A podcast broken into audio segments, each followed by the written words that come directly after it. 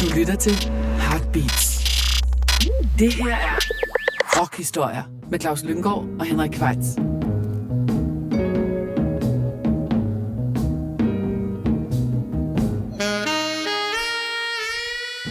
Så er det sørme blevet tid til endnu en gang rockhistorier, og din værter er som altid Claus Lynggaard og Henrik Kvejts. Og vi skal denne gang igen fejre en 80-års fødselsdag. Det, det er faktisk været årets tema, kan man sige det er videre. tredje gang i år. Ja. Øh, først var det Carole King, så var det John Cale, og nu er det Aretha Franklin, som så godt nok ikke bliver 80, fordi hun døde jo i august øh, 2018, men hun vil være fyldt 80 den 25. marts, og det er undskyldning nok for os, Claus, fordi vi holder rigtig, rigtig meget af Aretha Franklin. Og vi holder især af Aretha Franklin i den øh, 5-6 års periode, vi dækker i det her program, hvor hun kommer på Atlantic Records i 1967, og til hun udsender er det mest solgte gospelbum nogensinde i 1972, Amazing Grace. Det man kan kalde The Jerry Wexler Years. Lige præcis. Hvor han er producer for hende, fordi hun har jo et meget, meget langt tilløb. Hun får først gennembrud med sit 10. album, Never, I never Loved a Man The Way I Love You. Og inden vi fortaber os i tågerne og den meget lange og faktisk også ret trist historie Historie, ja, om det, Aretha ja. Franklin. Øh, altså, hun lyder som et livsstykke, men hun kom på en, en, på en ret barsk baggrund. Det synes jeg godt, man kan Men- sige. Det kommer vi alle sammen ind på. Jeg synes lige, vi skal kaste os ud i hendes gennembrudshit, som også var titelnummeret på albummet. I Never Loved a Man The Way I Love You, der blev udsendt som single i februar 1967, og som sagt blev et stort gennembrud for hende.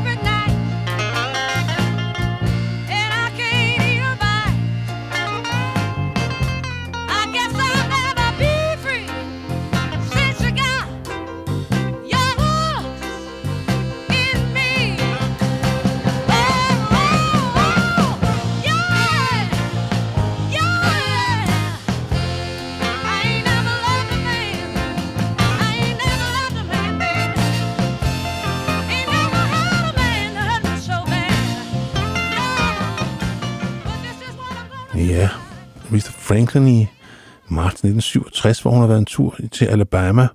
Hun har været i noget, der hedder Muscle Shows Studios, øh, eller hun har været i Muscle Shows for at spille i The Fame, berømte Fame Studios, Rick Halls studie, hvor Wilson Pickett havde været nede og, og, og lave forskellige hits, øh, men med udelukkende hvide musikere, det der hed The Muscle Shows Rhythm Section. Section, ja, også kendt som The Swampers.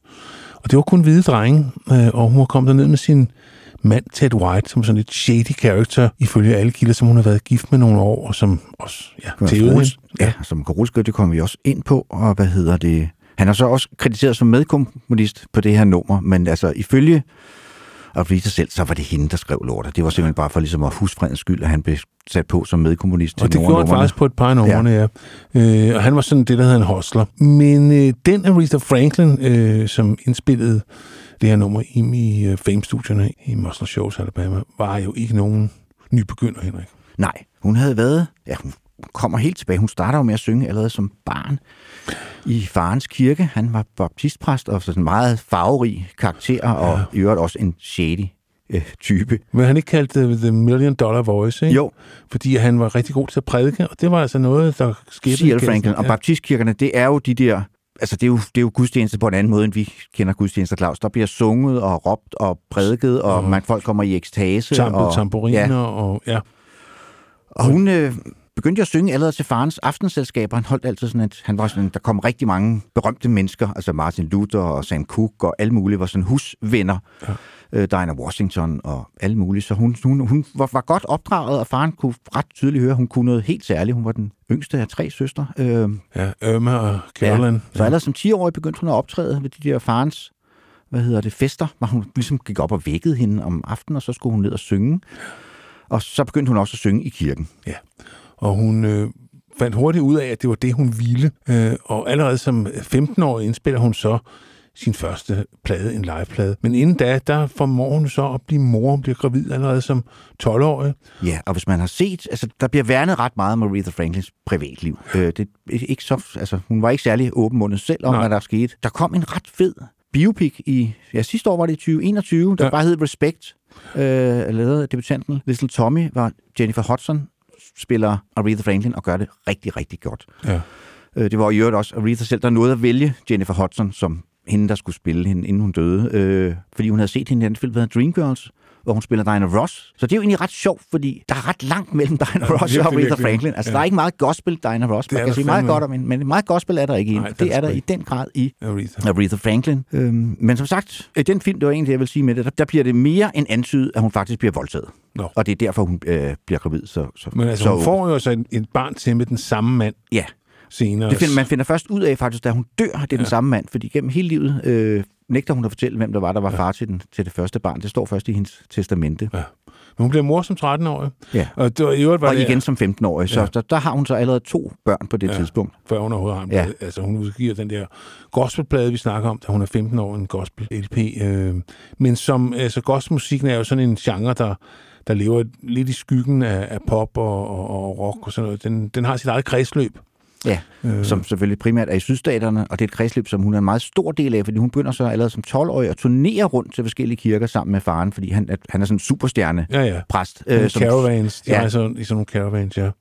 Og kommer, så kommer der så en prædikant til byen, og det er næsten ligesom en rockstjerne i nogle steder i sydstaterne. Ja. Ja, og faren bliver også øh, hendes manager, Ja. fordi hun finder så ud af, da, da hun hører Sam Cooke, som jo også kommer fra øh, gospel-traditionen, øh, gruppen hedder Soul Stirrers, begynder at cross over og lave popmusik, så finder hun ud af, at det, det er også det, hun vil. Ja, det gør han allerede 57. Og så er der så også, så sker der også det afgørende. Altså, hendes far, det kan godt være, at han er kristen vækkelsesprædikant, men han har noget med damer. Og da han, han gør en 12-årig pige i sin menighed, de, han har jo en menighed i Detroit, hvor de bor, han gør en 12-årig pige gravid, så skrider konen jo. Øh, Så Aretha Franklin vokser ligesom op uden en morskis. Hun dør også kort efter moren. Ja, hun får hjerteanfald, og mor, og hun var meget knyttet til moren. Ja. Der er sådan en historie om, at hun faktisk tre måneder efter morens død var hun tavs. Hun sagde ikke et ord, og ville heller ikke synge, eller noget som helst. Var faren faktisk sådan, igen med udgangspunkt i den der biopic, altså han nærmest tvinger hende til at, at synge igen. Okay.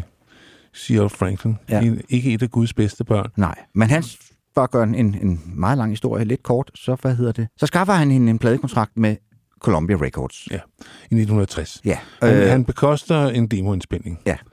Og Og der kommer hun i kløerne på John Hammond, som jo har stået bag Billie Holiday og Bessie Smith og Benny en vis øh, Bob Dylan øh, kommer også ind over senere. Bruce Springsteen. Ja, hvad hedder det? Men han forstår ikke, hvad det er, Aretha Franklin kan. Nej. Han prøver ligesom at lancere hende som sådan lidt poppet jazzsangerinde, eller en jazzet popsangerinde. Washington. Ja, hvordan? Ja. Og hun laver så ni albums Ja, på syv år. ja, øh, på Columbia Records, som eftertiden har været ret onde ved, hvor alle siger, at dem behøver man ikke beskæftige sig med. Hun træder først i karakter, da hun skifter til Atlantic Records med det nummer, som vi lige spillede før, Never Loved a Man. The Way I Love You. Men det er jo ikke helt rigtigt, Claus, fordi hvis, hvis man gider tråle de der Columbia-plader igennem, og det gider vi jo godt, Ja. øh, så er der jo ting at hente på dem. Jamen, det er da helt sikkert. Altså, hun er jo så god en sangerinde, så stor en sangerinde, øh, og hun får også indimellem nogle rigtig, rigtig gode sange for det, der hedder The Great American Songbook, nogle gode arrangører, nogle gode producer, men som du vist sagde lidt før, ikke? De forstod ikke, hvad det var, der var hendes Nej, force. og det var alt for, for poleret og for færst og så videre. Hvorimod Jerry Racer på Atlantic, han slår til i det øje, fordi hun, der sker så det i 66, at Columbia forlænger ikke hendes kontrakt, fordi ja, hun har simpelthen ikke solgt plader nok. Hun skylder dem faktisk ovenikøbet, tror jeg, 80.000 dollars. Det er mange penge, Det var ja. mange penge dengang. Det er det måske stadigvæk, for nogle af os i hvert fald. Men han ved med det samme, hvad det er, han skal. Han skal simpelthen fokusere på hendes gospel baggrund. Og så skal han lade hende være. Ja. Altså det, som Jerry Wexler forstår, det er, at hvis du er et rum med en masse musikalske mennesker, så lige meget hvem der er til stede, så vil den mest musikalske af dem alle sammen til hver en tid være Aretha Franklin. Ja. Og han ved også, at hun kan spille klaver. Og han giver hende lov, altså lov, han siger, Aretha, sæt dig ved klaveret og spil nogle sange. Og det fik hun jo ikke lov til på Columbia ligesom at spille, og det er de sange, vi har valgt til det her program, i udstrakt grad hende, spiller klaver på næsten alle sangene. Ja, og man kan også høre, fordi den er blevet udsendt senere, hvis man hører demoen til I Never Loved a Man The Way I Love You, som i øvrigt, som vi fik vrøvlet, fik sagt, er skrevet af Aretha Franklin selv. Det er den så ikke. Den er skrevet af en af manden Tim Whites venner. Ronnie Jackson, ikke? Ja, hvad hedder det? Så kan man høre, det er faktisk, altså, man kan ikke høre, hvor god en sang det er, når man hører demoen. Det er simpelthen Arethas arrangement af den her sang, og Ja. det er hende, der arrangerer den, Ja. Som gør, at den bliver så stor, som den gør. Og det sker som sagt der i det der øh, Fame-studie, hvor hun tager ned med sin mand Ted White, den notoriske Ted White. Og, det, og så lægger de grundsporet til en anden sang samme dag, Do Right Woman, Do Right Man, en Chips Moment og Dan Penn-komposition. Men så er der en af Ja. blæserne, Som, som siger noget forkert, og så banker Ted White ham simpelthen. Ja. og så tager de hjem fra ja. de der studier. Øhm, så resten af albumet er indspillet i Atlantic Studier i New York City. Men de fløj så de der Swampers op, de, altså fordi at- at Rick Hall og, og Jerry Wexler blev uvenner for livstid. Og han vendte aldrig tilbage med nogle af sine, altså de berømte Atlantic-kunstnere til, til Fame Studios. Men det han gjorde, det var, at han fløj simpelthen til det der band op til New York. Så det album, der kommer øh, i hele på den her gennembrudssingle, jamen det er indspillet med de samme folk, som øh, han arbejdede med i Muscle Shows, men det er optaget i New York, hvor der så også var en 8-spors båndoptager, hvad der har været hot shit i 1967. Fint skulle det være. Og som sagt, jeg synes, vi skal vende singlen om I Never Loved a Man, The Way I Love You, fordi der er så et killer track på, på Ja. side B, også kan vi vist som så også siden er blevet en klassiker. Do Right Woman, Do Right Man. Som jo er en sang om, at man skal opføre sig ordentligt over for hinanden. Det, det, kan vi der er godt skrive under Det på. kan vi godt skrive under på. Så, så lad os høre den.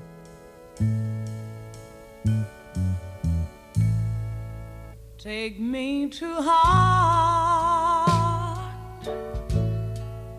I'll always love you. And oh, nobody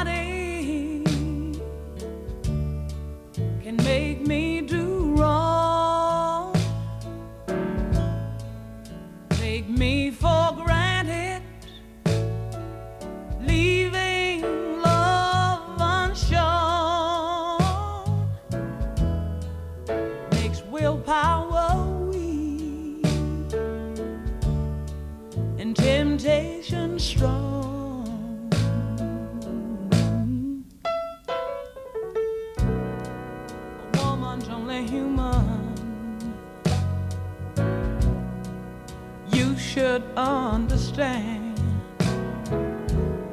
She's not just a plaything, she's flesh and blood, just like her man. If you wanna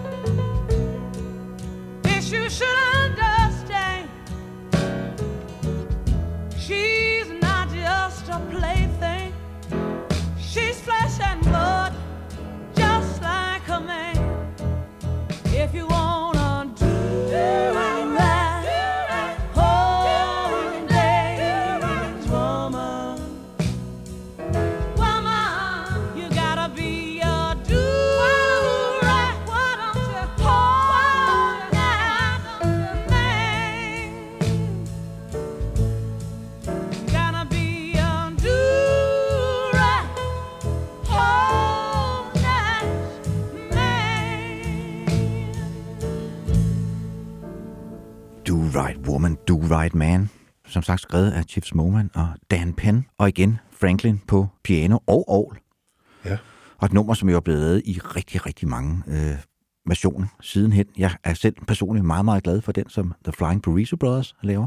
Ja, den er også fin. Ja, men det er svært at konkurrere med Aretha. Ja. Altså hun er som sanger i særklasse. Det er altså, altså, helt sikkert. Ja. Og, og det er selv nu, hvor man kan sige, øh, der er rigtig mange teknisk dygtige sangere øh, derude, øh, som måske også overgår hende i teknik, så er der ikke ret mange, der overgår hende i sjæl. Nej, og slet ikke i de her år. Nej. Hvor hun jo øvrigt også, altså kan vi også, vi kommer lidt ind på det senere, hun kæmper jo med både alkoholmisbrug og, hvad hedder det, at hun er arbejdsnarkoman, hun kan simpelthen ikke finde ud af at holde Ja. fri, og når hun endelig gør det, så ligger hun bare i sin, det store palæ, hun efterhånden får anskaffet sig i Detroit, øh, på nedrullede gardiner. Kæderyger kugle. Ja, Og, ja. og så har hun også et, et spiseproblem. Et spiseproblem øh, hun, øh, ja, hun, Ja, og vi, som sagt, vi koncentrerer os om årene 67 til 72, men der er måske også nogle lytter derude, der husker hende fra en anden periode, for hun får jo en revival i 80'erne, hvor hun ja. kommer på selskabet Arista, og hun synger duetter med Annie Lennox og George Michael og Elton John og alle mulige, og Who's Zooming Who, var det ikke det, der hed? Det der jo, øh, og gennembrud? Jimmy Lee havde hun også et hit med, der hed, som jeg husker. Ja, hvad hedder det? Men det er ikke en periode, som deres værter er synderligt begejstret for. Hun altså, synger jo stadigvæk glimrende, men, men materialet er ikke særlig godt. Det synes Og, jeg og så er der hele den der 80'er-lyd, den, den misklæder hende, og det der øh, digitale, øh, som nogle, nogle ting passer det perfekt til, men ikke til Aretha Franklin, Nej. synes jeg ikke. Hun var soulsangerinde. Ja. Altså, man kan ikke sige, at det var hende, der opfandt begrebet. Det var måske nok Ray Charles, hvis man skal sige en, en person, Der er en, som virkelig, som lavede den der fusion af gospel og jazz og pop og, og, og, og, og rhythm and blues. Det var jo ham. Men det er hende, der får den ud til den brede befolkning, fordi hun bliver jo også stor i hvide kredse. Ja. Øh, Og det bliver hun især med det nummer, vi skal høre nu, som også er blevet ikke bare hendes signatursang, men også er blevet sådan en både en sang, som borgerrettighedsbevægelsen tog til sig i 60'erne, og senere øh, feministerne øh, tog også sangen til sig. Ja. Det er jo Otis Reddings Respect, som hun jo tog op, og så gav hun den altså nogle ordentlige tæv. Og som Otis Redding sagde, da han hørte hendes version, That girl done took my song away. Og det mente han kærligt. ja, det gjorde han. Han indspillede den jo selv i 1965, og ja. Ja. fik faktisk også et hit med den. Ja. Men i hans version er det jo en sang, hvor manden kommer hjem fra arbejde og vil have noget fucking respekt for den der kone der, fordi nu har han øh, Knoklet. tjent alle pengene og så videre, så nu skal hun bare varte ham op. Ja. Og den får jo nærmest den modsatte betydning ja. i Arethas øh, øh, version, fordi hun sætter også nogle, nogle linjer ind i, i sangen, som ikke er der oprindeligt, og, og hele det der R-E-S-P-E-C-T, det er jo ikke Nej, version. Det, det er er, Aretha, der kommer ind med det. Ja. Det er faktisk en storsøster, Caroline, der finder på det, som jo også er en del af det kor, som vi hører på pladen. Øh, Hun brugte i mange år begge sine søstre øh, som korsanger, og øh, de Ja. kendte jo hinanden. Øh, Og sammen med Sweet Inspirations, der bliver ledet af Sissy Houston, ja. Øh, Whitney Houstons mor. Ja. Så øh, det bliver lidt i familien, ja. eller hvad skal det er sige. Ja. Det var åbenbart alligevel et ret snævert miljø til det her, fordi rigtig mange af dem dukker op på hinandens plader på det her tidspunkt. Især de der Atlantic-kunstnere. Ja. Og så er det Og selvfølgelig... noget, der også er ret vigtigt for hendes version, det er jo King Curtis ja. Saxofonspil. Det er ham, der laver den der bridge øh, ja. Sangen, som jo heller ikke er i Otis Reddings version. Og, Og og Otis Redding, det hører også med, Otis Redding, han, da han hører Aretas version, så begynder han jo at spille den, som hun spiller den, og Ja. ikke som han selv gjorde. Ja. Han kunne godt høre, okay, det var en god sang til at starte med, men hun gør den så lige 50 procent bedre. Ja. og breder den jo også ud rent betydningsmæssigt. Som sagt, det bliver hendes signatursang, og det bliver sådan en også, øh, altså borgerrettighedsbevægelsen søger den, Ja. og kvindebevægelsen og så videre. Og da Rolling Stone i 2002, det gør de jo jævnligt, men i 2002 lavede de en liste over uh, The Greatest Songs of All Time, intet mindre. Der vipper Aretha Franklins udgave af Respect Bob Dylan's Like a Rolling Stone af pinden som nummer et. Ja. Det er en stor, stor sang, en stor præstation, øh, og øh, en udød. Altså, det er, vi er helt oppe i det udødelige, vil jeg sige her. Det er, ja, det er stort med stort på. Lad os bare høre den, Henrik. Ja. Yeah.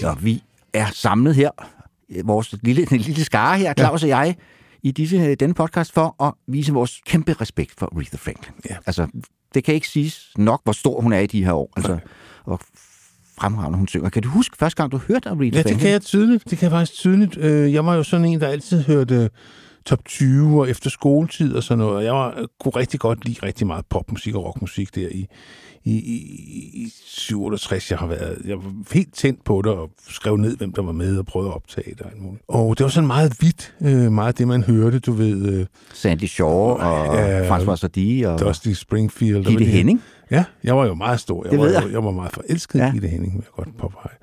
Det kan jeg ikke skjule. Jeg havde, Hun så også sød ud dengang. det gjorde hun var så sød. Ja, du vil sikker- gerne med ud at fiske. Med Ja, jeg vil gerne med Gitte ja. Ja. ud og fiske. Og så sidder jeg så og hører radio, så kommer der så sådan et nummer, der starter sådan ret stille med noget klaver og noget. Og så løfter det sig bare lige pludselig, så altså nærmest håret stod tilbage. Og det var så uh, I Say a Little Prayer uh, af Aretha Franklin, hvor jeg havde aldrig hørt nogen synge sådan før. Altså jeg har aldrig hørt så kraftfuld en stemme komme ud af min radio. Så jeg var sådan helt bagefter, hvad? Hvad, hvad der skete Hvad der? skete Ja. der lige der, ikke? Ja, der var lidt mere, der var lidt mere krop på alle måder i Aretha Franklin, at der er i Gitte Henning eller François Sardi eller så Det videre. må man godt Der- nok sige. Deres kvalitet er ufortalt. Ufortalt, ja. Men nevertheless, så var det alligevel som om, at man havde, altså, jeg var kommet et niveau op, ikke? Jo. Det var også min første single. Jeg har stadigvæk den der single øh, liggende med hende, af Say a Little Prayer med Seesaw på B-siden. Øh, den er altså, den er godt slidt. Det var noget, det var noget, det var var noget, man gad at bruge sin ja. lommepenge på dengang, må jeg sige. Øh, Ja. Respekt for Det kan jeg godt forstå. Så kan jeg fortælle, hvordan jeg kom ind i universet, når vi kommer til den plade. Okay. Øh, Ja, fordi at Ja. ja. I Never Loved the Man uh, The Way I Love You blev et stort hit, men så skulle det gå stærkt. Pladeselskabet, der gik kun tre måneder, før hun sendte den næste plade, Arisa Arrives, og det kan man godt høre. Det er ikke den stærkeste plade i kataloget. Øh, det var som om, Nej, at... det er måske faktisk nok, hvis vi skal være lidt hårde. Det er ikke en plade, vi vil undvære nogen af os, men Nej, nej. Det, det er nok den af de der gyldne Atlantic-plader, som er den, man skal købe sidst. Ja, fordi repertoireet, altså det, det var som om, at de ikke lige tog den ekstra måned til at finde de helt rigtige sange.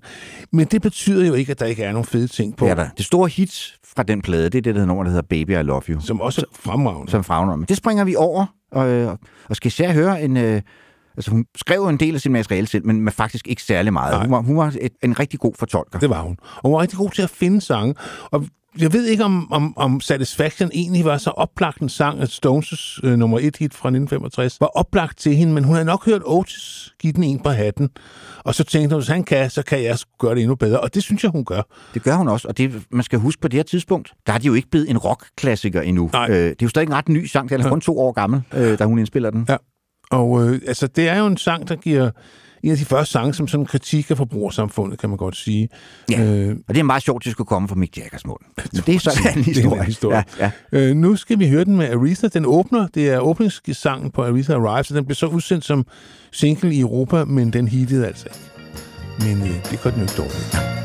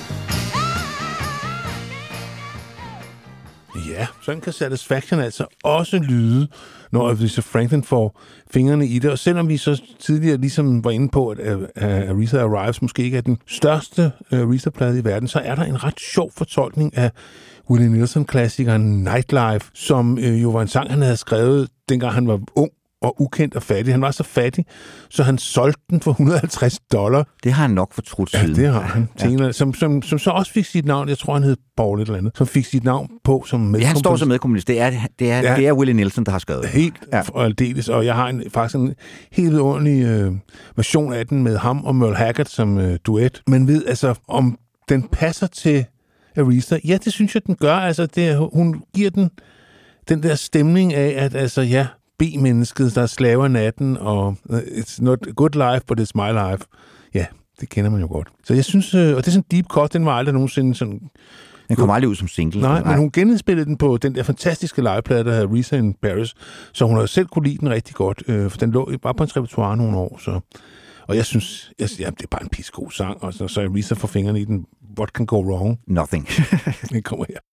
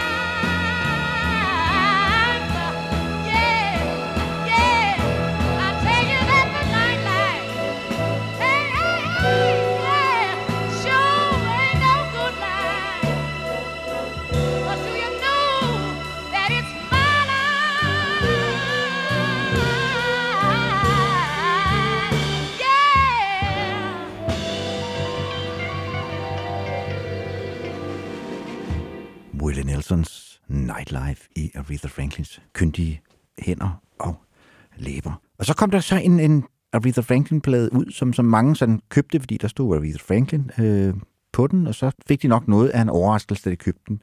Det er den plade, der hedder Take a Look, som jo er øh, Colombias forsøg på at catche ind på ja. Den succes, hun får nu. Så de genudsender, altså lidt det sådan en best, best of af ja. hendes Columbia-plader, øh, som jo lyder helt anderledes end inden. Så der er nok nogen, der har følt sig lidt snydt, da de kom Det hjem. tror jeg på. Ja, det kender man jo godt. Ja. Det er ligesom alle de der Hendrix-plader, der kom, da han... øh, For det var ikke noget, den gjorde ikke opmærksom på, at det var The Columbia Years, Nej, eller noget som helst. De prøvede helt klart at markedsføre den som en ny Aretha Franklin. Man skulle i hvert fald have vidst, hun kom på Atlantic for at gennemskue den, og det var det mest kun nørderne, der, der gjorde det. Men nu snakker vi så før om, at Risa Rice måske ikke var en af de store plader. Til gengæld så er den, der kommer nu, nummer tre på Atlantic Lady Soul, er jo en af... Altså, det er en fuldkommen... Der er ikke et dårligt Der er ikke dårligt nummer på, Øh, der er hun bare i topform, og øh, hvad hedder det...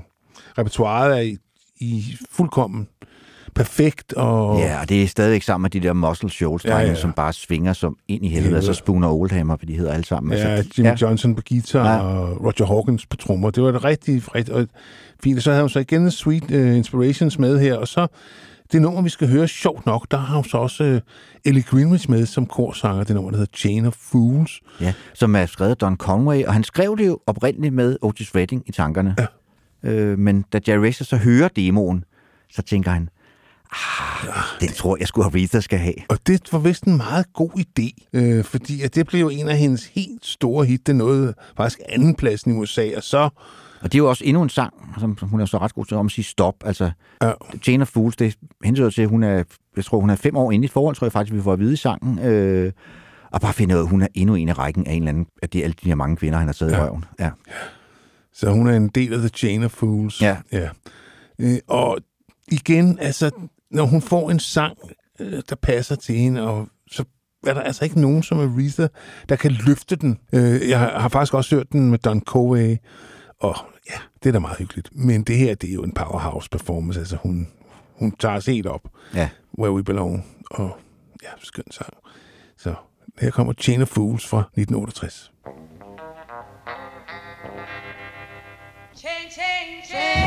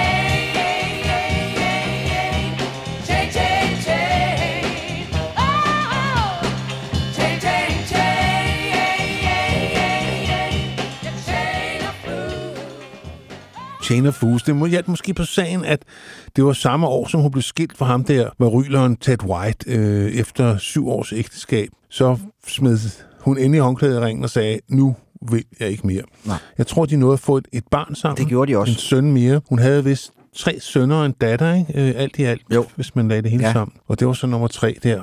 Øhm, han blev jo vist nok senere musiker.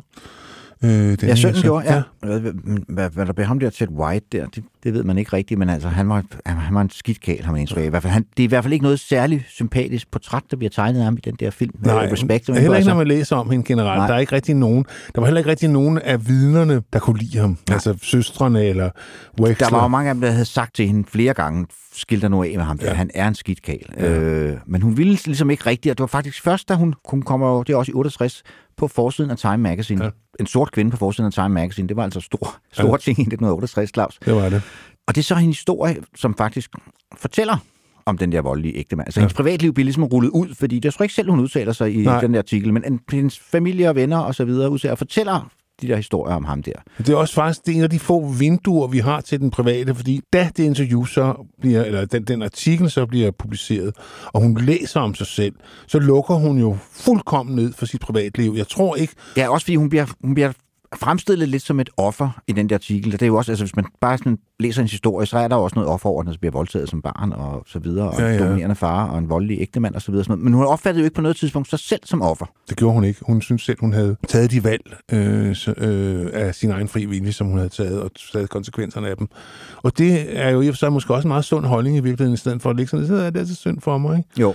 Men øh, Jerry Hun Wexler... havde så også en masse ting, hun havde fortrængt, som så ligesom først kommer frem senere. Ja, ja, også alt det med hendes mor. Og, Ja, og hun kaldte det jo selv dæmonen. Ja. Altså hun følte, hun var besat af en dæmon, og det var den dæmon, der fik hende til at blande drikke og alle de der spiseværingsproblemer, hun havde gennem ja, faktisk hele livet. Ikke? Jo, altså hun jo. cyklede op og ned i vægt og så Ja. videre. Øh, indtil der er en, som på et tidspunkt siger til hende, der er altså ikke nogen dæmon. Det, du, du er bare nødt til at se det i øjnene. Ja. Jeg ved ikke, om det hjælper, men øh, ja. Nej.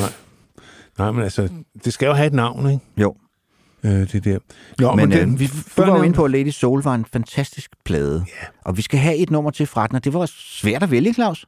Ja, og jeg må blankt indrømme, vi har faktisk spillet det før, og vi spillede det i vores Carol King-program, øh, men jeg synes ikke, vi kan komme udenom det, hvis man skal ligesom lave et, et program om, om, om Aretha i de her år. Det er en sang, der hedder You Make Me Feel Like a Natural Woman, og den er akkrediteret til Jerry Goffin og Carol King, men også til... Jerry Wexler. Og det er, fordi han fik, jeg tror, jeg fortalte historien også i vores Carol King-program. Det var ham, der fik ideen. Han ser Carol King på gaden og stopper bilen og løber. Kan du ikke skrive en Natural Woman-sang til Aretha Franklin? Jo, den skriver de samme aften. Ja. Og det skal jeg da love for, øh, det var da a hard days, nej, det var da en, en, god, godt dagsværk, må man sige, øh, de to der leverede. For det er jo en af de sange, som ja, har været indspillet hundredvis af gange, og Carol King indspillede den jo selv på den legendariske Tapestry LP, men den er heller aldrig rigtig blevet overgået. Øh, Nej. af den version, vi skal høre her, som jo er, altså det er jo Aretha, der ejer den. Det, det, det, det bliver vi nødt til at sige, selvom ja. der er rigtig mange andre, der har kunne relatere til det, det, det, som sangen handler om. Jeg har så aldrig mødt nogen, der har fået mig til at føle mig som en natural woman, men det kan være, at det... Det kan være, det kommer. Ja. ja. Nå, Men det er jo en sang om at, har- det er, det er en sang om at føle sig elsket ikke? Jo. og set. set Ja. for den, man er. Ja. Ikke? Og, Og det vil jeg Og, selvfølgelig... og det er jo så er blevet en, en klassiker eller en standard, jeg skal sige. Det er en evergreen, kan man roligt kalde den. Men sjovt nok var den jo ikke noget kæmpe hit, den Nej, kom frem. Den blev den. kun nummer 8 i USA, og i England blev den faktisk kun nummer 76. Altså, Ja. har de været døve, eller hvad, Claus? Ja, altså måske er den for, måske er den for laid back til 68, hvor alt jo stod i flammer, og øh, Martin Luther King blev skudt, og altså, det var jo en... Tjekos- Tjekoslovakiet blev invaderet af Rusland. Det var et meget voldsomt år. Ja. Øh, Og det var nogle roligheder, som hun jo var, var en aktiv del af, fordi hun var jo med til mange af de der rallies. Og, Ja, ja. sang, og, og som sagt, øh, Martin Luther King var jo en ven af huset. Så hvis han ringede, og det gjorde han jævnligt, og spurgte Aretha, om hun ikke lige ville komme og synge nummer i kirken til en af hans, eller han skulle holde en tale, så stillede hun op hver gang.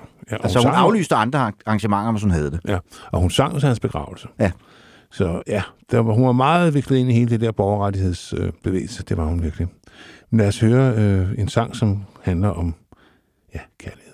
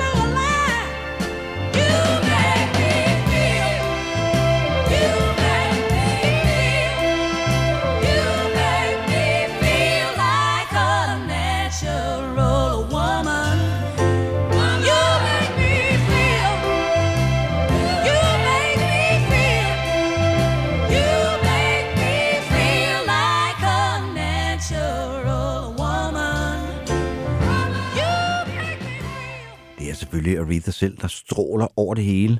Men vi må også lige fremhæve altså de der arrangementer i de der sange. Altså koret her er jo, ja. er jo en stor del af sangen. Ja, hold op.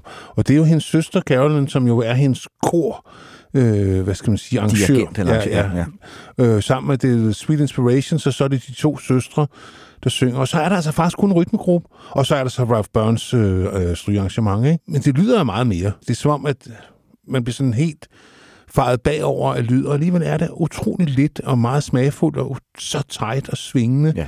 så man får sved på overlæben. Der kan man også høre, hvor god en producer Jerry Wexler er, Ja. fordi han får det til at, altså, det her er jo musik, som lyder rigtig, rigtig godt på en transistorradio. Altså, det blev, og det er jo det var jo det, det var designet til. Det var Ja. jo ikke til at spille hjemme på hi-fi-grammofonen, Claus, fordi det var det er ikke sådan, folk hørte musik Nej, nej, dengang. det gjorde de man fleste ikke, nej. nej. det var i radioen. Ja. Så det skulle lyde godt i en bilradio, eller en transistorradio, den der stod ude i køkkenet og så videre. Og der, der er, som du sagde, nu hørte du det, alle de der hvide sangerinder før og så videre, men hvis man så kommer sådan en Aretha Franklin nummer ud, så bliver man simpelthen blæst bagud. Det gjorde man. Ja.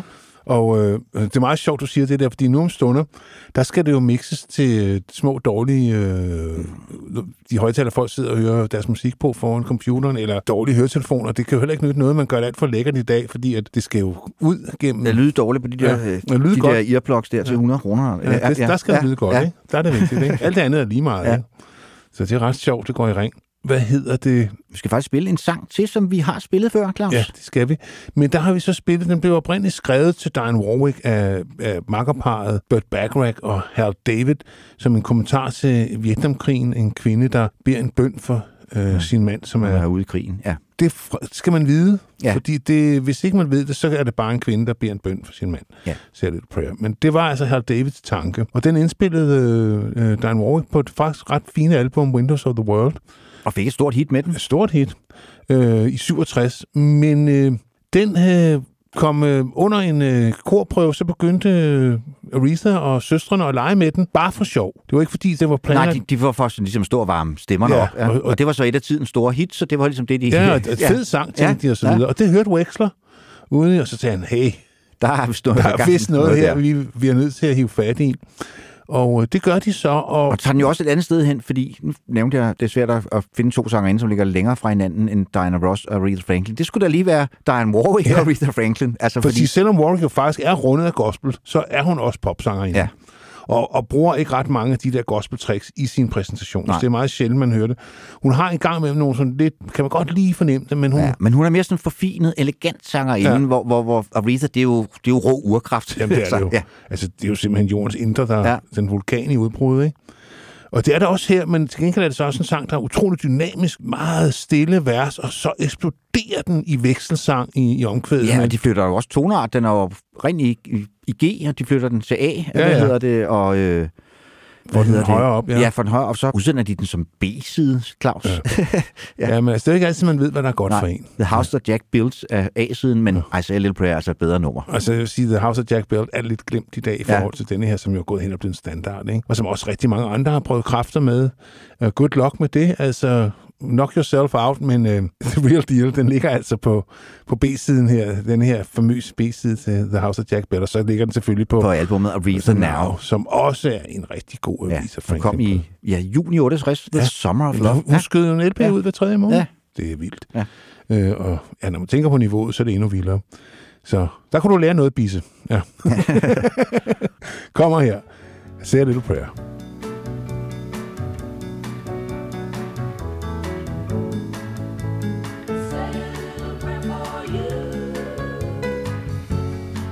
The moment I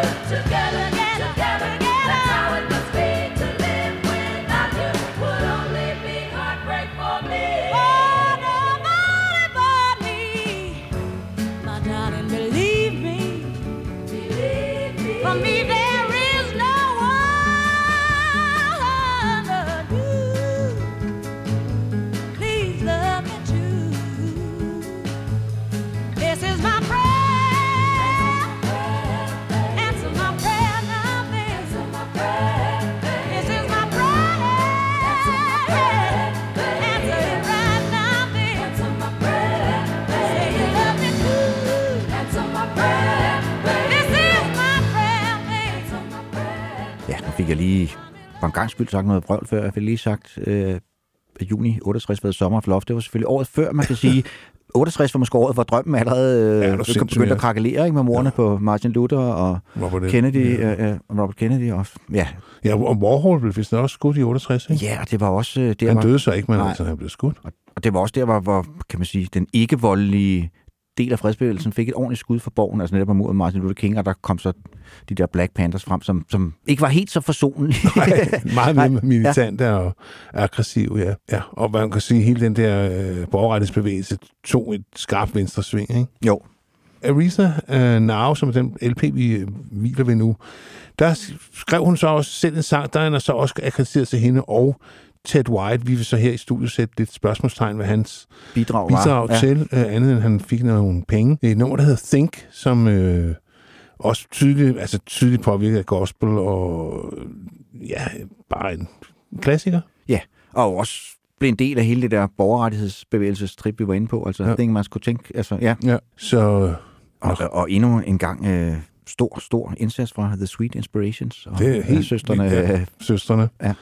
Det er, det, er, det, det låser, låser numse, så det vil noget det her. Og det er sjovt, når man så læser hitlisteplacererne på nogle af de her ting, som, jo- som er blevet klassikere i dag, så var de jo ikke, altså, de var jo ikke kæmpe hits dengang. Nej. Altså, syvende plads, det er selvfølgelig meget pænt i, i USA, men det er jo ikke... Men jeg tror måske, hun var Også- lige gospel nok for, altså for den hvide middelklasse i Amerika. Ja. Altså, hun, hun var, altså, hvor Diane Warwick jo ubesværet krydsede over, på grund af, at hun var så elegant, og det faktisk nogle gange kunne være svært at høre, at hun var sort, ikke? Jo, og det var det samme med Supremes, Ja. ja. altså Diana Ross var inde på før. Ikke? Altså, Så var man som- jo ikke ja. i tvivl om, at det her, det var altså en, en, en black mama, der sang, og hun sang fra mellemgulvet, ikke? Jo. Der er lidt mere... Øh, Der er mere krop i Avisa, det er der i den grad. Altså, Saft eller, eller og sex, sjæl, eller hvad ja. ja. skal kalde det. Altså, ja, ja. det Lad er os, i hvert fald Ja. øh, så funky, som ja. det kan blive.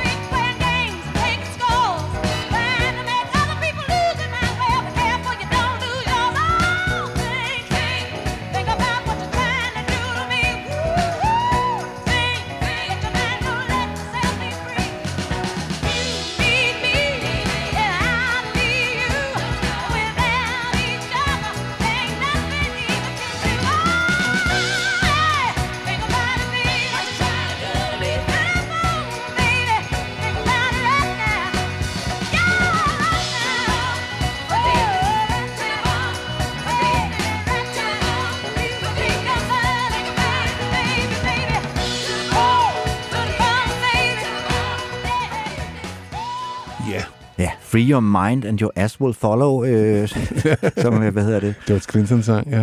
Ja, øh, det var sgu inspireret af den her sang, tror jeg, fordi Det tror det er det, den handler om. Ja, det er det. Ja.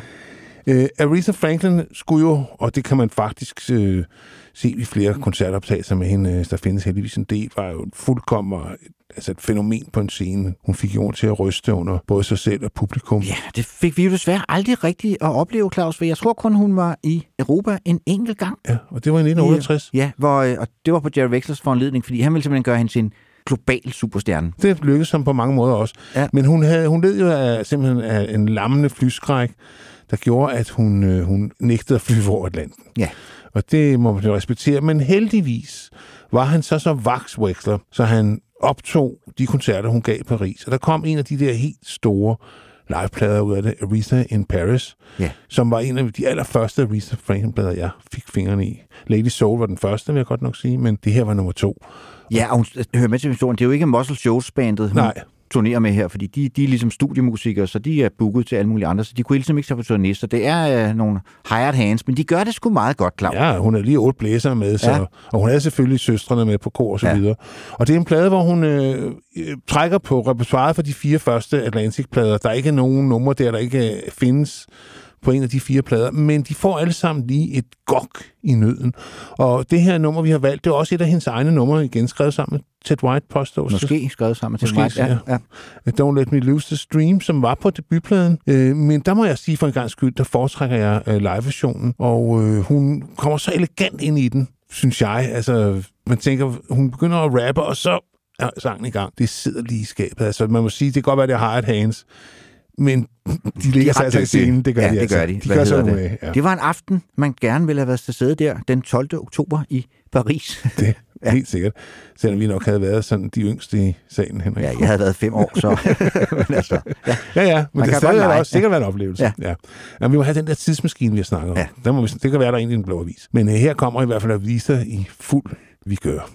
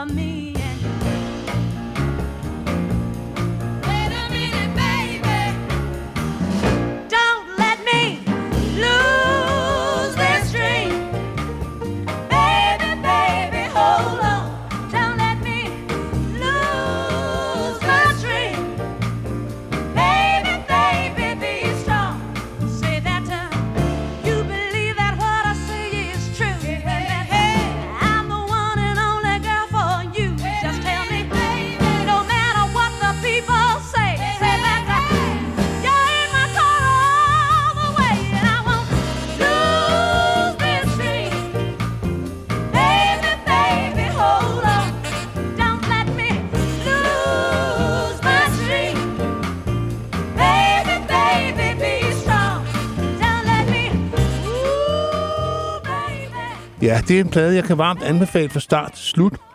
Uh, Aretha in Paris. Uh, hvis man ligesom har lyst til at, at lege, man er til koncert med Aretha, så er det på med den, på ja, med der er hørebøfferne, også en anden rigtig god liveplade, som kommer vi vi kommer, til. kommer vi til. Ikke? ja, som er næsten endnu, endnu bedre. vildere. Den er faktisk endnu bedre, ja. Ja. Øh, Men nu er vi nået frem til 1969, og det album, der hedder Soul 69. som sjovt nok er et af de mindst soulede af de her Ja, plader. det er den, altså, man kan ikke kalde det en jazzplade, men det er i hvert fald den, hvor, hvor hendes baggrund i, i, også i jazzmusikken træder tydeligst frem. Ja. Ja. Og Kenny Burrell, Ron Carter og Joe Zawinul medvirker også på Og pladen. det nummer, vi skal høre, der spiller uh, Savinol faktisk Aarhus. Joe Savinol, ja, som nogen måske- Crazy Calls Me, som skrevet af Carl Sigman. Bob Russell, helt tilbage i 1949, og jo nok er mest kendt i Billie Holidays version. Ja, og det, jeg tror også på mange måder, det er en tribute til Billie Holiday. Og det er en øh, det er noget, vi tog med, fordi at det viser ligesom, at hun kan andet end bare trykke den af. Hun kan faktisk godt synge helt tilbage med tilbageholdt øh, åndedræt og levere en fuldstændig overbevisende præstation. Ja. Altså, man har, altså, Aretha de her år, der, der tror jeg ikke, der var noget, hun ikke kunne. Nej, det tror jeg ikke. Ja, andet end at få styr på sit liv. Ja, men, øh, ja. ja. men altså, Ja. ja. det, det er hun jo ikke den eneste øh, berømthed, der har ligesom kæmpet mellem professionel succes og personlig øh, ja, kamp. Ja. Ikke? Kamp med, Med kamp på hjemmefronten. Ja, ja. Dem, dæmoner. Dæmon, ja. ja. Lad os bare kalde dem Ja. det. Crazy Calls Me, og ja, en utrolig fornem øh, præstation her.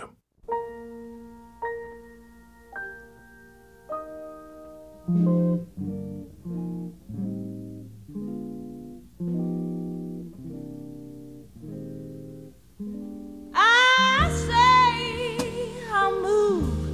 mountains, and I'll move the mountains if he wants them out of the way.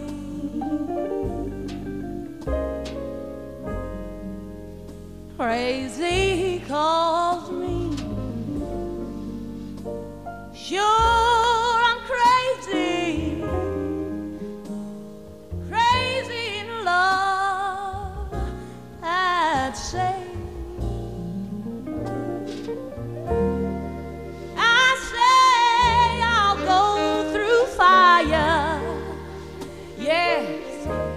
will kill fire.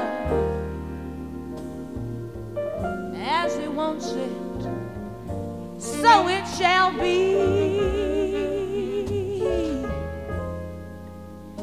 Crazy calls me. Sure, I'm crazy,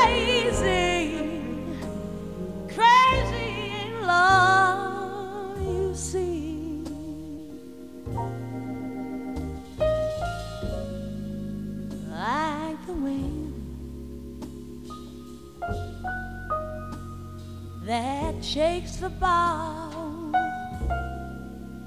He moves me with a smile.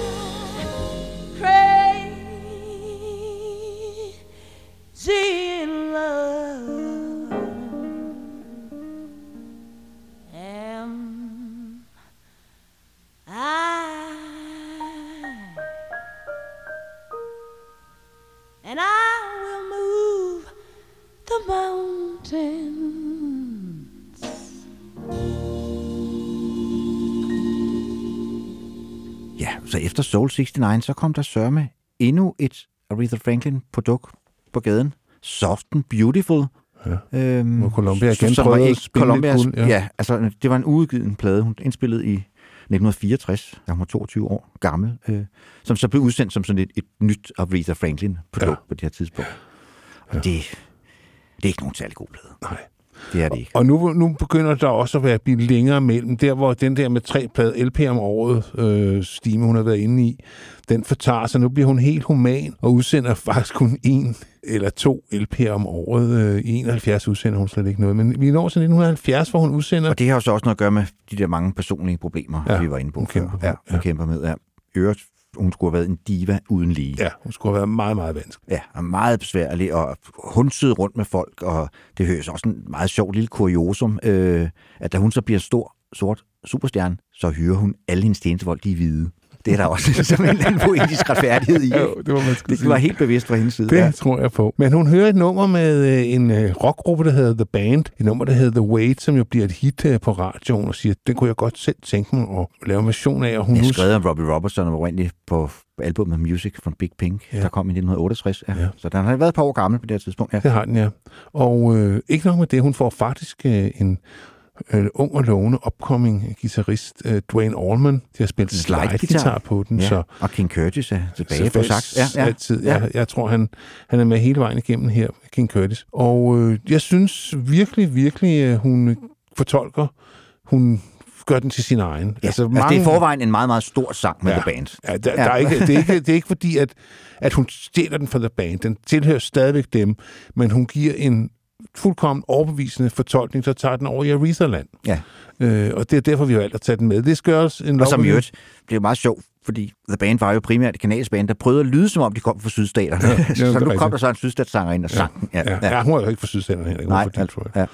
Men øh, godt forsøgt, min ven. Ja. Øh, hun var en nordstatspige. ja. men turnerede rigtig meget i sydstaterne rundt i, ja. på det der Baptist Church, halløj. Ja. Ja, helt sikkert. Men det skal også In Love With You er heller ikke den helt... Er det, ikke den, det er nok den næst... Efter Aretha Arrives, så er det sådan en plade, hvor... Ja, den er selvfølgelig super god, men den er ikke super essentiel. Nej. Det synes jeg ikke. Øh, men øh, The Wait, ja, den siger vi ja og amen til. Den lyder nemlig sådan her. I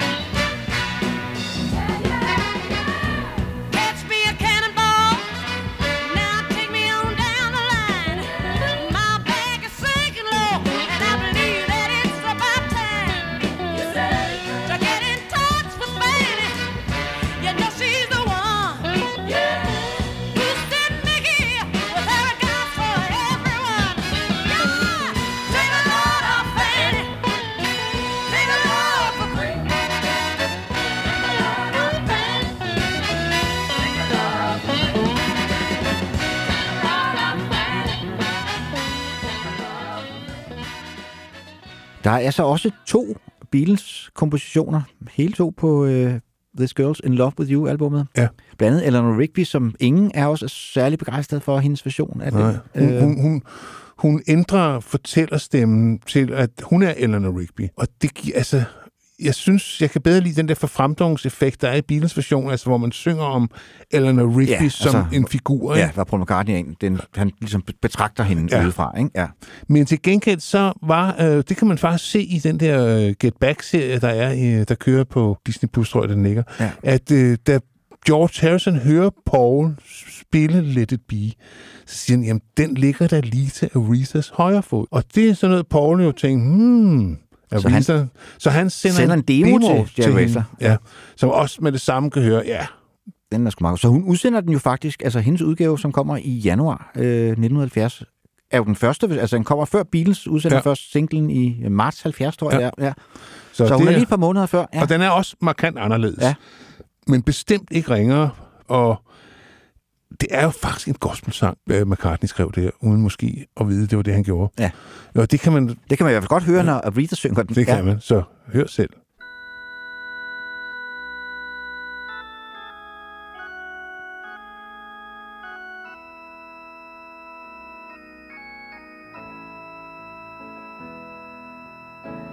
When I find myself in times of trouble, Mother Mary comes to me, speaking words of wisdom, let it be. And in my hour of darkness, she's standing right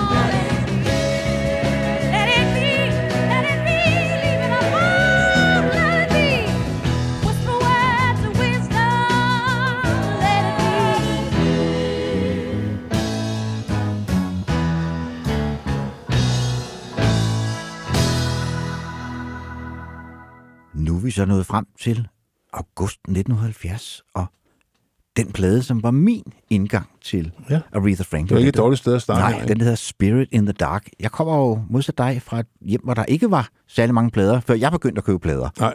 Men så Men der, men der, også men der, ja, ikke? men der stod, der stod trods alt en, en, en lille samling inde i stuen, og jeg gik bare i gang med dem fra ende til anden, og nogle af dem kunne jeg lide, og nogle af dem kunne jeg ikke lide. Og en af dem, jeg rigtig godt kunne lide, det var Aretha Franklin's Spirit in the Dark, som, jeg ved ikke, hvordan den havde fundet vej til Kokkedal, min mors plader, men hvad hedder det? Det havde den.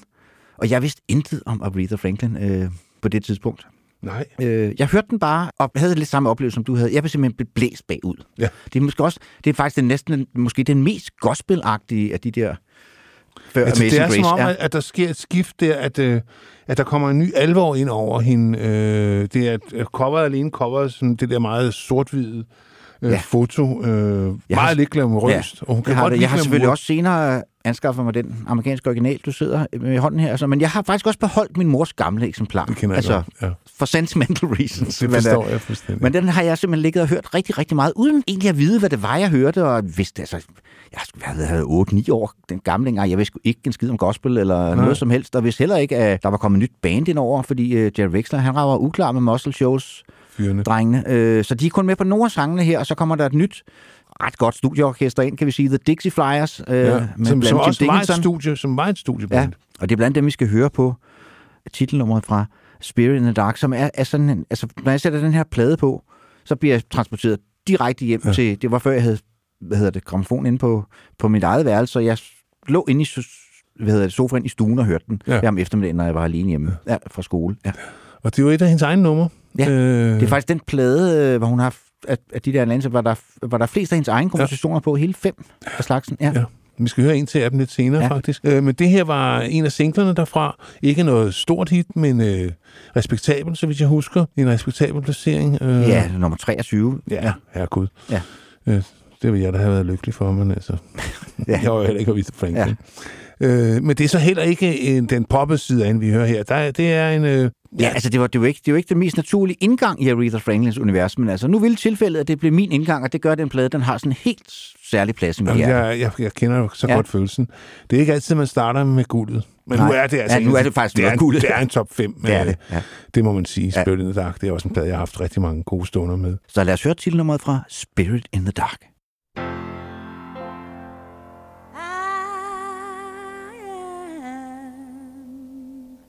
Getting the spirit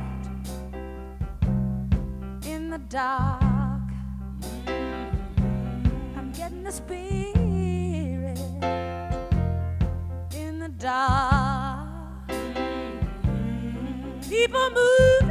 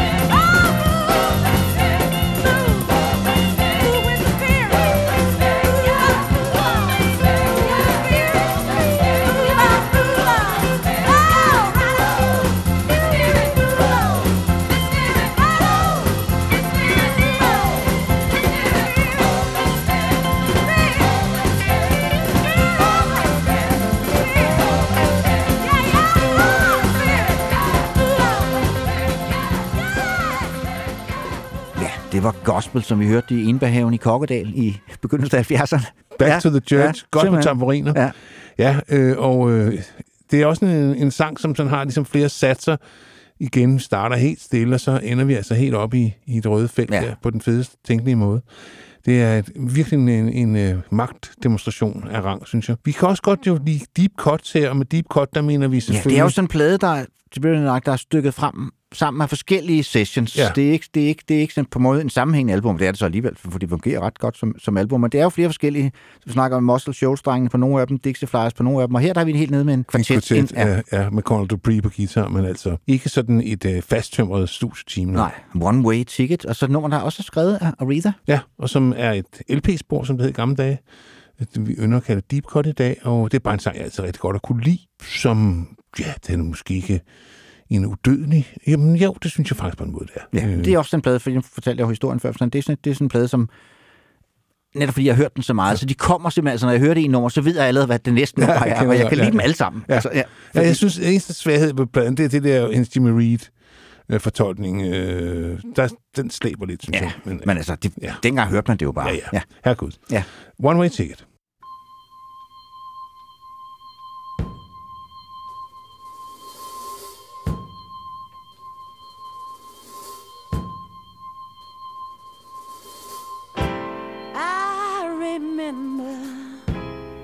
You've forgotten to remember. I wonder why. Baby, it was just a one-way ticket to love. Ticket to love. One-way ticket. You were lonely without a friend. That was when our romance began. Maybe it was just a, just a. yeah. Ticket to love. Ticket to love. One-way ticket. Ooh. Like the dew on the mountain.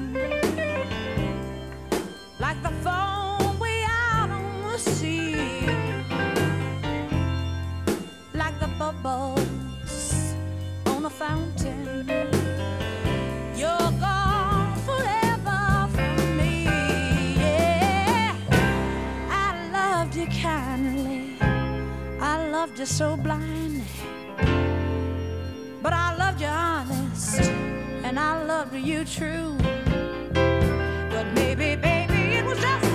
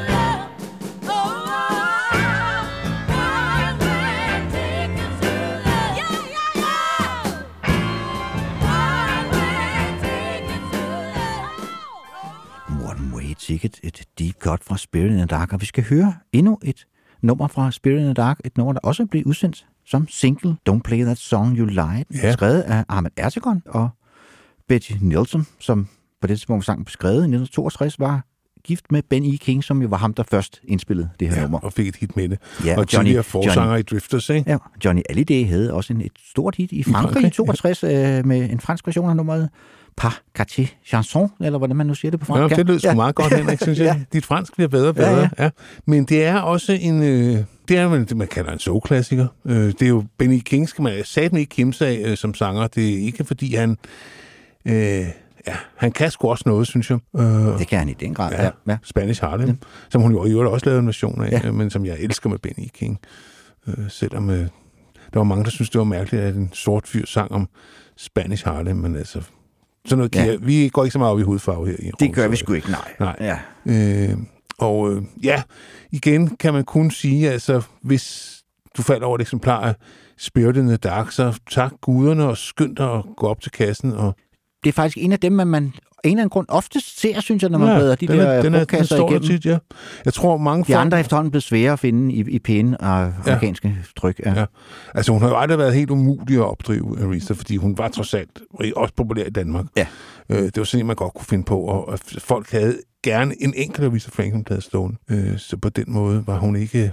Hun har ikke været obskur. Nej.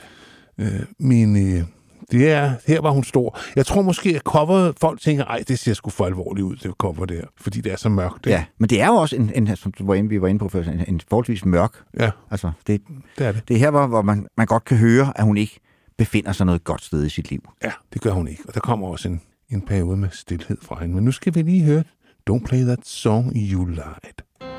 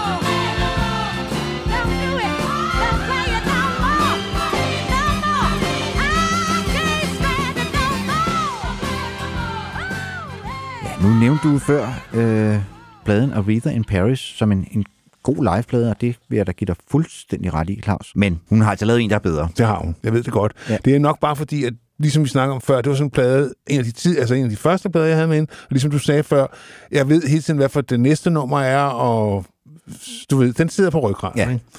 Det var dengang, man ikke havde så mange plader, Nej. så til de plader, man havde, dem lyttede man, altså, så, så, så de har simpelthen ætset sig ind i ens DNA. altså, ja. Tyndslid. altså selv de riser, der var på, kan man sådan høre, Ja. ja. når jeg, hvis man hører den på CD eller på Spotify eller et eller andet, så mangler den der rise der, der lige skal det, være der. Det er ikke løgn. Nej. Du har fuldstændig ret, Henrik. Yes. Men altså, vi skal frem til albummet Aretha Live at the Fillmore West, som kom i maj 1971. Og det var jo Jerry Wexlers forsøg på at skal man sige, sælge hende til hippierne. Altså Ja. det, hun spiller på Fillmore West, det var jo ligesom hippie, et hippiested. Men det lå jo i den sorte ghetto. Ja. Og selvom hun optrådte der over tre dage i, så var der jo rigtig mange af hendes egne til stede i Ja, det var der. For nu var Aretha jo kommet til byen. Ikke? Yes, og den kom som sagt i 1971. Altså, jeg kan ikke huske, hvad år den kom, men der kommer en CD-version af den på et tidspunkt, 3 dobbelt Ja. hvor, hvor alle koncerterne er på. Ja. Og det tænker man, det er måske lidt mere Aretha live, end jeg har brug for. Nej, det er det ikke. det er der er ikke et dårligt nummer. Hun er så meget on fire, øh, og har fantastisk band med dig. Det er jo Og King har Curtis, publikum 100%. Ja, Yes. yes. hans band, det King Curtis Band, The Kingpins, og så har hun The Memphis Horns med, altså far lige for at sætte trum på, ikke? Ja, og så Bernard Purdy på trommer, ikke? Ja. Ja. Altså, hallo, ikke? Kom ikke for godt i gang her, du. Og så på og det oprindelige album, der er fire, fire af numrene, så spiller hun selv øh, elpiano og så Fender Rhodes. Og det gør hun blandt andet her på det nummer, vi skal høre, Dr. Feelgood, som er skrevet af hende selv, og måske Ted White. Ja. Ja. Og faktisk stammer helt tilbage fra hendes debutalbum. Men her får det simpelthen... Ja, altså hendes debutalbum fra, hvad hedder Ja, fra Atlantic, ja, Atlantic, ja. jeg. The Man. Uh, I Never Loved a Man the Way I Love You. Og den får altså simpelthen så af den. Det er, der snakkede vi om før at være til stede. Jeg vil sige, altså hvis vi, jeg skulle vælge mellem Paris og Fillmore, så tror jeg nok, det var Fillmore, jeg gerne ville have været, fordi der kan man godt tale om ekstase. Ja. Og også om en ekstase mellem performer og publikum. Øh, altså, Ja, man kan, man kan simpelthen høre på den liveplade. Det er en af de der, vi har jo selv været til den slags koncerter, altså Ja. hvor det hele går op i en højere enhed, og man simpelthen er i, ja, Ja. i ekstase, Ja. eller man er løftet et andet Ja. sted hen. Altså transcendens. Ja, altså, er transcendens, det ord, jeg og, efter. Og, og man kan jo bare høre, at publikum er 100% på hendes side, og med hende, og hver en bevægelse, der er jo også en vækstvirkning mellem hende og publikum, de synger jo med, og sangen stiger i intensitet og falder igen, og ja, det er en tur de force. Ja. Det har ikke noget at gøre. Og det hele LP'en, og der er jo også, nu hørte vi Spirit in the Dark tidligere, der er en fabelagtig version af den, hvor hun synger den sammen med ingen ringer end Ray Charles, hendes gamle idol. Så der, man får noget for pengene, hvad enten man bare kører LP'en, eller som Henrik vil anbefale, den tredobbelte CD-boks. Ja, men det er, det er stort, mine damer og herrer, det her. Øh, så ja, ja. ud på bliver- dansegulvet. Vi bliver, Dr. Feelgood. ja. I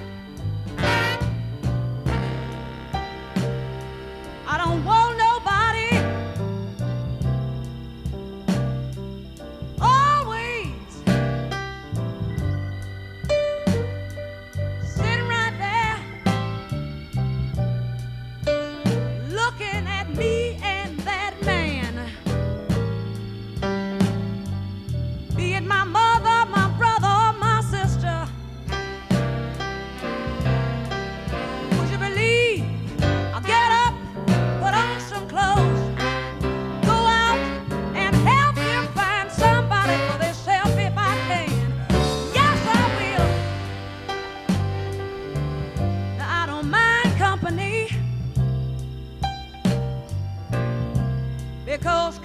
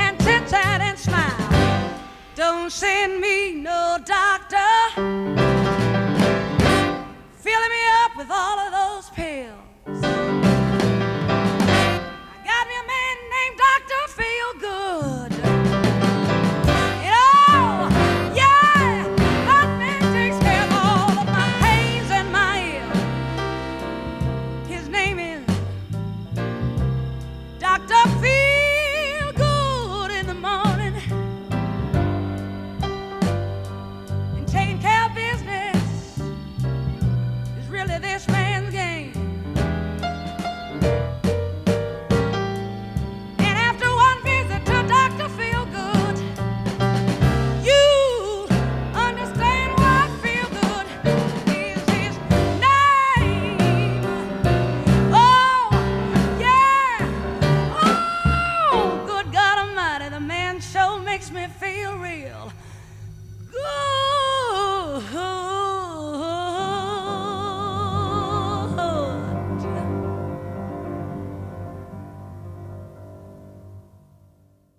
det var jo musikalsk øh, gudstjeneste, det her. Jamen, altså- ja. Man kommer, som du sagde før, transcendens, man kommer simpelthen et andet sted hen, når man hører. Øh, man, man glemmer et befriende øjeblik sig selv. Ja. Det er sgu da fedt. Det er ret fedt, at man kan, man kan bare sætte en plade Uden på, narko. det. Ja, uden narko. Ja. jeg skal ikke øh, afvise, at jeg også har hørt den her plade. det, det er muligt. ja. Det, Men, men det virker også fint uden, skulle det jeg synes jeg. sige. Ja. Ja. Ja, den, det er sådan en, der blæser låget af en, og det, det er der altså ikke så mange skiver, der gør. Nej, nu skal vi frem til, hvad jeg også vil betegne som en af de store Ja, plader i, sikkert. i Aretha-kataloget, Young, Gifted and Black. Selvfølgelig opkaldt efter Nina Simons sang af Som samme har spillet. Ja. Øh, Med Nina selv selvfølgelig. Og så langt fra det bedste nummer på pladen, faktisk. øh, Nej, vi har valgt ja, faktisk tre andre. Øh, en sådan lidt spøjs coverversion, i hvert fald på det her tidspunkt, for det er jo før Elton John og Bernie Taupin bliver, bliver sådan rigtig store. Det er et nummer fra hans andet album, det der bare hedder Elton John, og ligesom der, hvor han bliver Elton John. Ja. Ja. Det første album, Empty Sky, det er ikke rigtig Nej, godt. Er der, det altså ikke. der, der leder han. Ja. Og det er jo også det er så meget sjovt, at, det, at hun indspiller det, fordi det er jo også hvad hedder det, en plade, øh, både, både den, hvad hedder den, der bare hedder Elton John, og den næste der hedder Tumbleweed Connection, hvor Elton John jo virkelig prøver at lyde amerikansk. Ja. Altså det er sådan et forsøg på at lave amerikaner. Jamen, han var meget inspireret af en, øh, en amerikansk sangskriver, David Ackles. Ja. Øh, og det fik han så også, altså fik han faktisk Bernard Tobin, som kunne skrive en tekst om hvad som helst, til at lytte til de her plader, hvad han sang om. Og det var jo sådan øh, grundamerikanske temaer. Og det her er jo faktisk et helt bevidst forsøg på, fra Elton Johns side på at skrive en gospelsang. Ja. Border Song, Ja. som så i, hvad hedder det, Arethas version har fået undertitlen, eller i parentes, Holy Moses. Altså Ja. med, med Elton John hedder den bare Border Song. Ja. Men der bliver sunget Holy Moses, så det synes hun lige skulle. Jamen, jeg tror også, med. det har været for, at når, når du hørte den på radioen, og så gik ned og sagde, at jeg skal høre, jeg skal have den der Holy Moses, fordi det er jo ligesom det der catchphrasen. Ja. Øh, Der blev ikke sagt border song noget sted, Nej. så det har vel for, at det sikkert været pladselskabet, der sagde, ah, vi bliver nødt til Jeg lige at skrive omkvædet Ja. ind i titlen. Ja. Øh, men det er en sang, som hun, hvor hun altså, vi er jo nok nødt til at sige det som det er, altså giver ham baghjul, ikke? Jo, Den er fin nok med Elton, der er ikke noget galt med sangen, men Risa, hun... jeg kan faktisk ikke engang huske, om vi spillede den her øh, Eltons version i vores det portræt af Elton John. heller ikke Vi huske. spillede hvad? Det, det kunne vi godt have gjort. Men prøv at høre, Henrik, ja. Ja. det her det er nummer 176 ja. af slagsen. Hvis vi har glemt en sang eller to undervejs, så, Så er det fandme skidt. Ja. Øh, Men nu får vi i hvert fald at høre den med Aretha, øh, og man skal måske også lægge mærke til, at det er en vis Billy Preston, der spiller hammernål her. ja, det skal Ham kan vi jo godt lide, som nu nævnte du den der Get Back Beatles-film før, og det er, jo, det er jo ham, der løfter stemningen. Ja. Ja. Altså, det, da han kommer med i studiet, Så bliver de simpelthen nødt til at opføre sig ordentligt. Ja. At alt andet vil være for ja, pinligt. de skifter jo studie øh, undervejs i Ja. filmen, og så kommer han med, og der, altså, der løfter det sig. Ja. Der bliver det pludselig rart at være Ja. en bil igen. Ja, der skal lige sådan en... Og rart at kigge på dem. Jamen, den er lidt, lidt sej i optakten. Øh, Border Song Holy Moses, som var et mindre hit for hende, så vidt jeg husker. Ikke noget prangende, men... Øh, Nej, nummer syv- nummer 37 på de engelske hitlister. så ja, det er jo okay, ikke, det er ja. ikke noget at råbe Nej. for. Men, altså, Men stadig en top 40-sang. ja, Ja. trods alt. Trods alt, ja. Og den har i hvert fald øh, to tidens tand glimrende. Sikkert betydeligt bedre end mange af de andre, der lå på de 36 øh, pladser før den. Det Ja. tror jeg på, ja. Lad os høre Border Song Holy Moses. Holy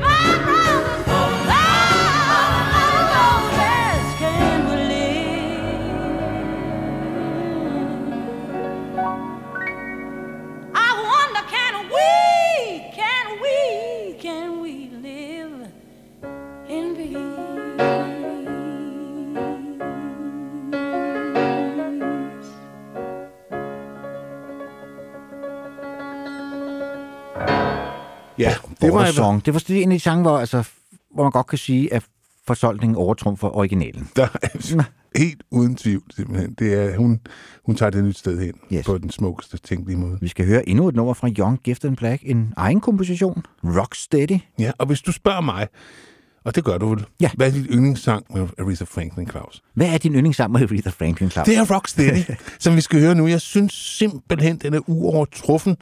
Den er funky, den øh, fungerer, hun er i topform. Bandet slår gnister, Memphis Horn.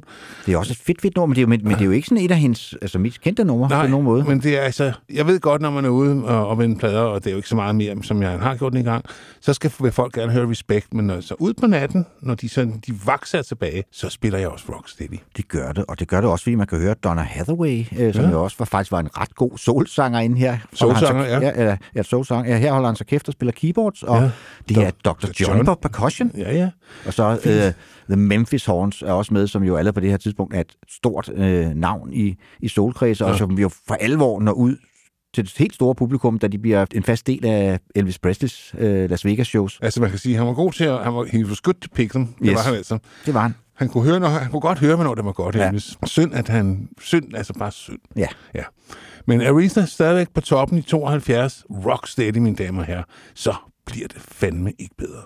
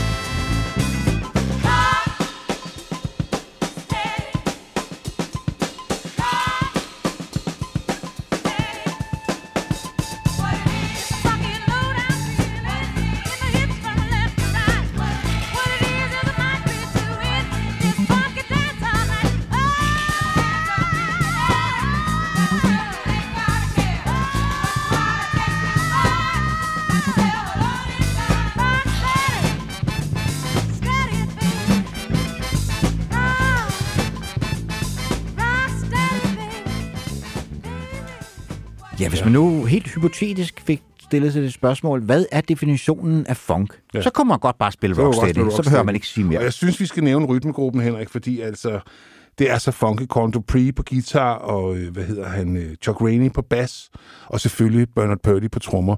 det er ikke nogen helt dårlig rytmisk-sektion at, at stille op med. Og hvem skal vi høre en gang til jo på en ballade? Øh, Oh me, oh my, I'm a fool for you, baby. Ja. Som jo skrevet Jim Davis, oprindeligt blev indspillet af Lulu Ja. i 1969 på, på hendes forsøg på at lave et soloalbum, New Roots, som så ikke falder helt vellykket Nej. ud. Altså, det er ikke, altså, man tænker Lulu, hun, hun er jo ret fed sanger, Ja, hun øh, og i, i, Mus, og- i Muscle Shoals studierne, det kan ikke gå galt, men der er et eller andet, der, den er lidt for poleret, der er ligesom lagt nogle stryger ind over, som ikke rigtig Det passer. blev, og så ikke, det blev ikke hendes i Memphis-plade, det gjorde det ikke. Hun lavede faktisk en til, og prøvede to gange. Men øh, denne her sang, øh, synes hun selv, var det eneste, der lykkedes af alle de... Du har, jeg har engang hørt den, vi har siddet og hørt en dobbelt-CD, du har med hele hendes Memphis Sessions. Ja. Og det var langt mellem snapsene. Sådan, Det var der. Ja. Men, Altså, der var øh, nogle gode ting, og der var også nogle Der var der, det er også jeg, ikke, jeg har ikke skilt mig af med den der Nej, CD nej, det er også, Ja. der er også noget på den. Ja. Øh, men øh, det her er nok højdepunktet, og det har Arisa så lige kunne høre.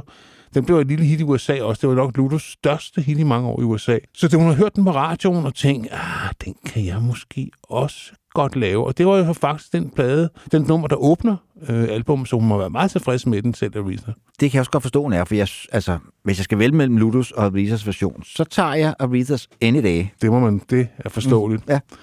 Og øh, ja, men det er jo bare kreds for kender. Endnu en gang. Jeg synes, det må sige, at vi har virkelig, udover at vi selvfølgelig har sindssygt god smag, så har vi virkelig lavet en playlist her, som der godt kan tåle at blive hørt et par gange. Det har jeg i hvert fald gjort, og Ja, det. de to her. Øh, og det er nok heller ikke sidste gang, jeg har hørt den. Nej. Mine, Det er en ret god Aretha-compilation, vi har det lavet er her. virkelig er. Det synes jeg. Den kan jeg kun anbefale. Oh me, oh my, I'm a fool for you, baby.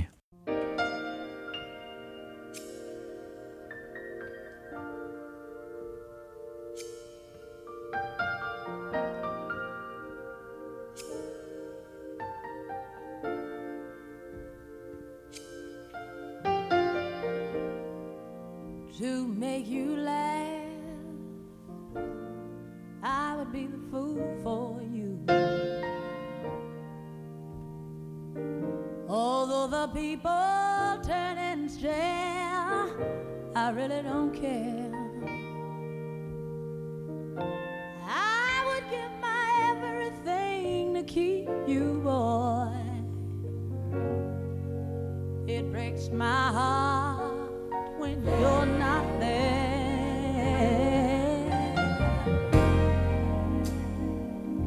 I'll stage a ballet on a tabletop.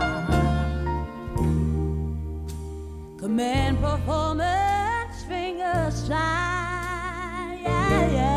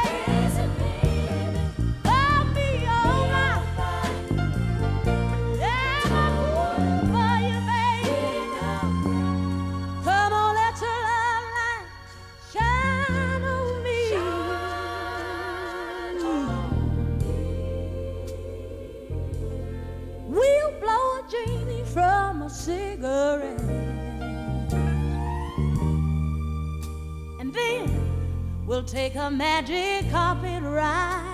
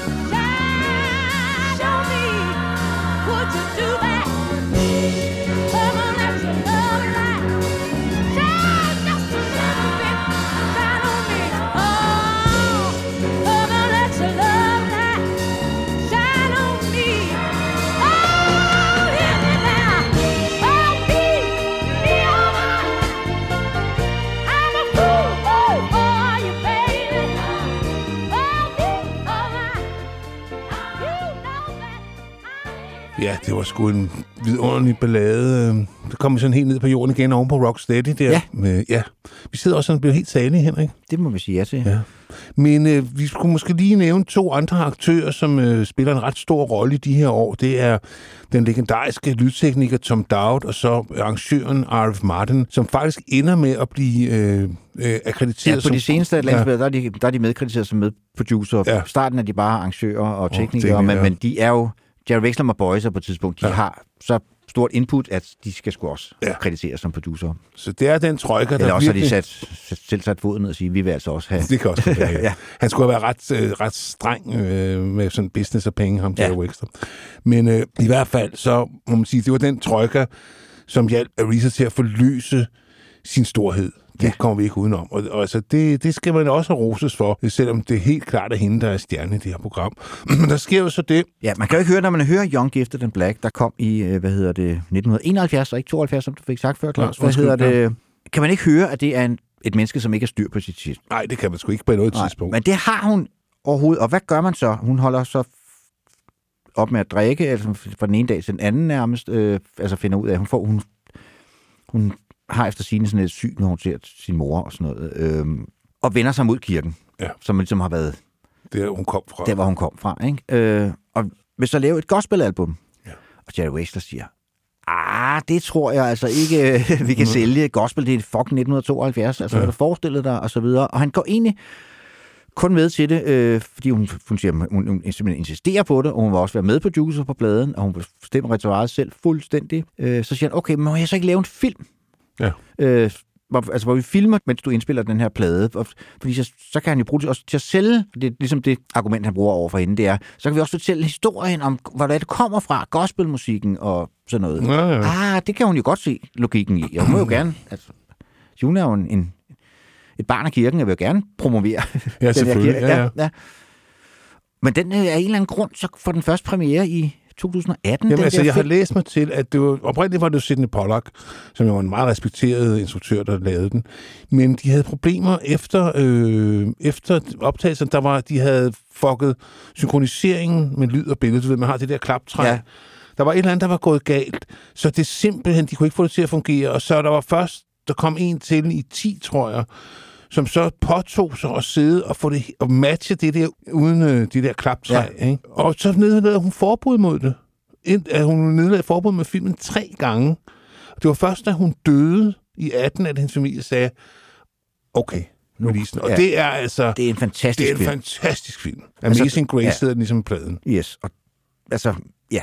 Der er to rigtig gode Aretha-film derude. Vi har nævnt den ene af dem, ja. Ja. den der hedder Respect, og den anden det er den her Amazing Grace. Og de Ja. ligger begge to derude på Blockbuster, så hvis du har en lang aften, så se først Respect, så du ligesom får historien. Og den Respect, den slutter med indspilningen af Amazing Grace. Ja. Og så kan man sætte den på bagefter. Så har man altså en god aften i Divaneseren, Claus. Ja. Og Amazing Grace, øh, som er en dobbelt P, er akkrediteret ikke blot til, øh, til Aretha, men også til en vis James Cleveland, som var kendt som The King of Gospel. Han er sådan en slags MC, og han spiller også øh, orgel og medvirker i det taget. Og så han har- var leder af et kor, der hedder Southern California Community Choir, som også øh, synger med. Så det er på mange måder en form for imitation af en gudstjeneste, det man Ja, og kommer det er jo ind også til. den er jo, altså indspillet live øh, Ja. at The New Temple Missionary Baptist Church i Los Angeles. Ja. Og sådan folk bliver ligesom gjort opmærksom på, I skal altså vide, I bliver filmet, når I går ind til den her øh. Og de opfører sig også, når kan man se filmen, nærmest som om de er til gudstjeneste. Ja, ja, altså, ja. Og man, man siger jo, at Jagger og Charlie Watts, Mick Jagger og Charlie Watts var med til en af aftenerne, og det var derfor, der, de var ved at indspille uh, Exile on Main Street. Og de der, der er et par sådan gospel-inspirerede numre der på, og det var simpelthen fordi, at uh, Mick og Charlie havde været inde og se Aretha trykke den af. Shine a Light blandt andet. ja, og Jerry Wexlers bekymring blev gjort til skamme, fordi ja. Amazing Grace endte med at solge sælge 2 millioner eksemplarer, og er faktisk det bedst sælgende Aretha Franklin-album. Og gospelalbum ja. Ja. nogensinde, ja.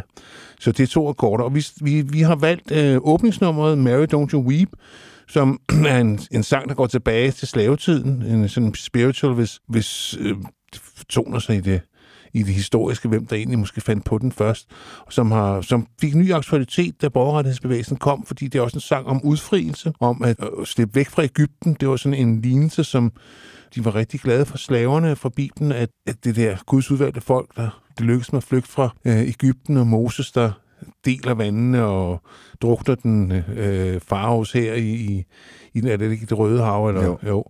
Og så er der også en sang om Lazarus, som vi jo også ved har optaget en En vis David Bowie. Ja. som jo bliver vækket fra de døde. Øh, og Mary sang, det er Lazarus' søster, søster, som beder Jesus om at vække sin døde bror til live igen. Hvad han jo gør. Ja. Men jeg ved ikke, hvor lækkert det er, når man har ligget der og været død på dage, og man ikke lugter en lille smule. Det kan han sikkert også, hvis, hvis, det kan han sikkert også fjerne. Ja. Ja, så lige med...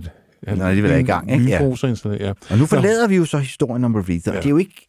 For et eller andet sted skal vi lægge snittet, og det var meget naturligt her, for det er også der, hun ophører samarbejdet med Jerry Wexler. Ja. Og altså, den næste blad, der kommer, Hey Now, Hey Now, Hey, The Other Side of the Sky, er jo ikke nogen dårlig plade. Nej, det er Quincy Jones, der er produceret, og Ja. det Men, sådan- sådan... men det er ligesom bare noget andet. Jeg, altså, jeg, vil, jeg vil egentlig godt øh, sige, at selvfølgelig kan man finde ting både før og efter i kataloget, der er gode. Ja. Men det er altså det, de her år, hvor, hvor, hvor hun, hun piker. ja, det må Altså, jeg- hvor hun er fuldstændig outstanding god. Altså. Ja. hele vejen igennem. Sådan er det. Ja, det, sådan siger det. Og inden vi forlader jer, så skal jeg endnu en gang lige minde jer om, at hvis I ikke allerede gør det, så må I meget gerne gå ind på heartbeats.dk og finde rockhistorie frem og trykke på støtteknappen og dermed være med til at finansiere programmet, fordi, kære lyttere, det er kun jer, der betaler. Det er rent lytterfinansieret øh, finansieret program. Ja. ja. Uden jer, ingen rockhistorie. Nej. så dem, der i forvejen allerede støtter os, tak, tak, tak skal I have.